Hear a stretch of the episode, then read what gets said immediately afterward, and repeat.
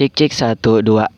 Oke, pernah nggak sih kalian kepikiran hmm, ntar kalau kalian mau nikah pengennya dapat orang yang gimana sih? Pengennya dapat seorang istri atau suami yang gimana sih? Pernah nggak sih kepikiran? Ya bersama gua Nero di SNN Pod Selalu Napas Podcast Karena di setiap napas selalu memiliki cerita Ya oke jujur hmm, ini adalah podcast pertama gue yang isinya hmm, maksudnya yang isinya itu cukup panjang ya. Jujur ini adalah podcast pertama gue dan hari ini gue mau ngebahas tentang hmm, masalah nikah nih ya. Ya masalah nikah.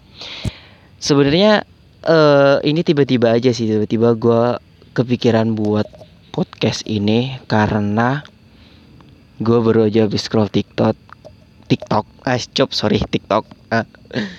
dan gue nemu satu konten yang kontennya ini cukup menarik dan cukup menggelitik perasaan gue. Dan sebenarnya ini juga udah lama banget menggelitik perasaan gue, cuman baru ini gue nemu momen yang tepat untuk ngebahas dan mengungkapkannya. Oke. Nah, jadi gini nih, isi kontennya itu bercerita tentang uh, percakapan dua orang pria yang satu sudah menikah yang satu lagi belum mungkin kali ya. Karena di situ nggak dijelasin tuh. Jadi temannya ini anggaplah yang udah menikah ini adalah si A yang belum menikah ini adalah si B. Jadi si B ini cerita nanya ke si A gitu kan. Intinya adalah lu gimana sih makan lu? Nyuci baju lu? Karena di situ disebutkan bahwasanya si A ini kalau makan makannya itu di luar. Kemudian kalau nyuci juga ngelondri. Padahal si A ini statusnya sudah menikah. Dan of course biasanya biasanya bukan berarti saya bukan berarti gue mengeneralisir, mengeneralisir uh, perempuan. Tapi biasanya nih kalau orang yang sudah menikah tentu istrinya bakal masakin makanan untuk suaminya, kemudian nyuci baju punya suaminya, nggak punya suami dia juga sih, punya keluarga kecil dia. Ya seenggaknya kalaupun nggak nyuci pakai tangan ya nyuci pakai mesin cuci kan. Nah jadi ceritanya ini si A ini kalau masak ya beli di luar atau kadang pun dia yang masak. Kemudian kalau dia nyuci ya dia itu laundry. Nah tentu si B ini kaget kan Kenapa? Ya secara udah menikah kok masih seperti itu gitu Terus si A lantas bilang eh Ya gimana ya? Gitu kata si A Kita kan nikah eh, Ibarat kata gini Istri kita itu sebelum nikah sama kita itu tinggal dengan orang tuanya. Segala macam kebutuhan dan segala halnya itu dipenuhi oleh orang tuanya. Masa setelah menikah dengan kita kok hidupnya jadi susah gitu. Kan kita sebagai laki-laki tuh malu, kurang lebih intinya itu seperti itu. Nah, jadi iseng nih ya, lihat tuh komentar-komentarnya.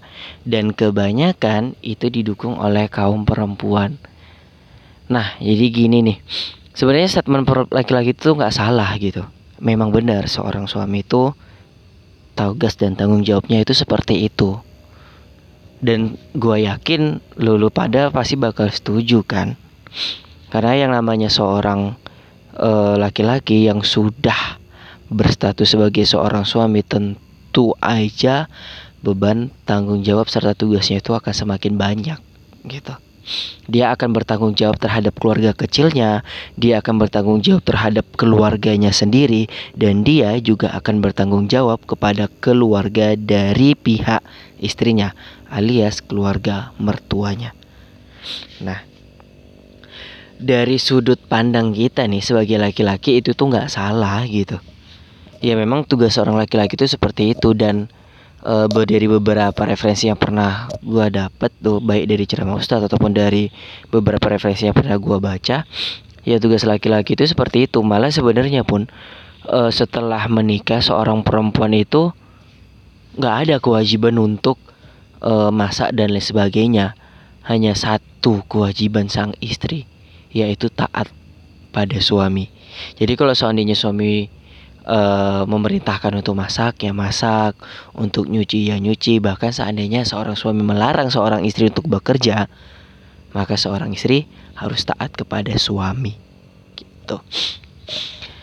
Nah, namun begini, uh, kalaulah seorang laki-laki itu yang bersikap seperti itu, dia masak, mau masak sendiri, kemudian mau nyuci sendiri, Sementara si perempuannya ini, si istrinya ini dia tidak ada kewajiban, tidak ada melakukan apa-apa gitu ibarat kata ya dia memang dijadikan ratu gitu.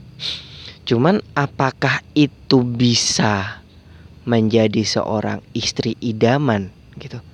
Karena hakikatnya sih yang pernah saya, ya hakikatnya yang saya tahu yang namanya menikah itu kan saling support. Terlepas eh, apa tuntutan agama yang uh, menyampaikan bahwasanya seorang istri itu tugas uh, tugasnya adalah taat kepada suami namun ya secara kehidupan nyatanya gitu loh. Suami kan juga butuh di uh, urus butuh um, dirawat gitu.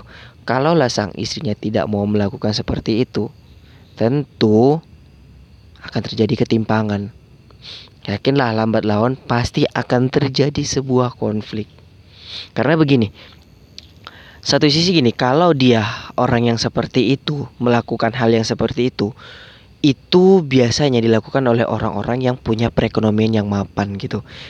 Kenapa? Karena yang kayak tadi dibilang, untuk makan aja harus beli gitu kan punya jam makan terbang kayak anak kos yang nggak tentu kalau makan itu udah beli nasi padang sepuluh ribu sekali makan.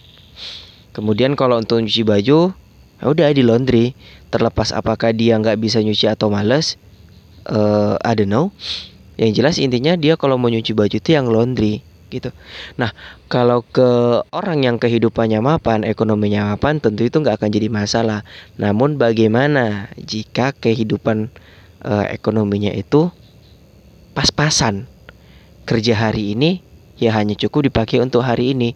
Kalaupun untuk besok itu hanya sedikit. Kalau untuk besok ya udah besok kerja lagi. Bagaimana dengan kehidupan yang seperti itu gitu. Tentu akan menjadi sebuah masalah yang besar kan kalau seandainya uh, kita bermindset seperti itu. Karena kita bisa bermindset seperti itu juga harus kita sesuaikan dengan situasi dan kondisi gitu. Nah, jadi ibarat kata gini, sini saya sebenarnya aku gue pengen negasin uh, yang namanya berjuang itu nggak bisa sendiri gitu. Harus didukung, harus disupport. Terlepas bagaimana bentuk supportnya,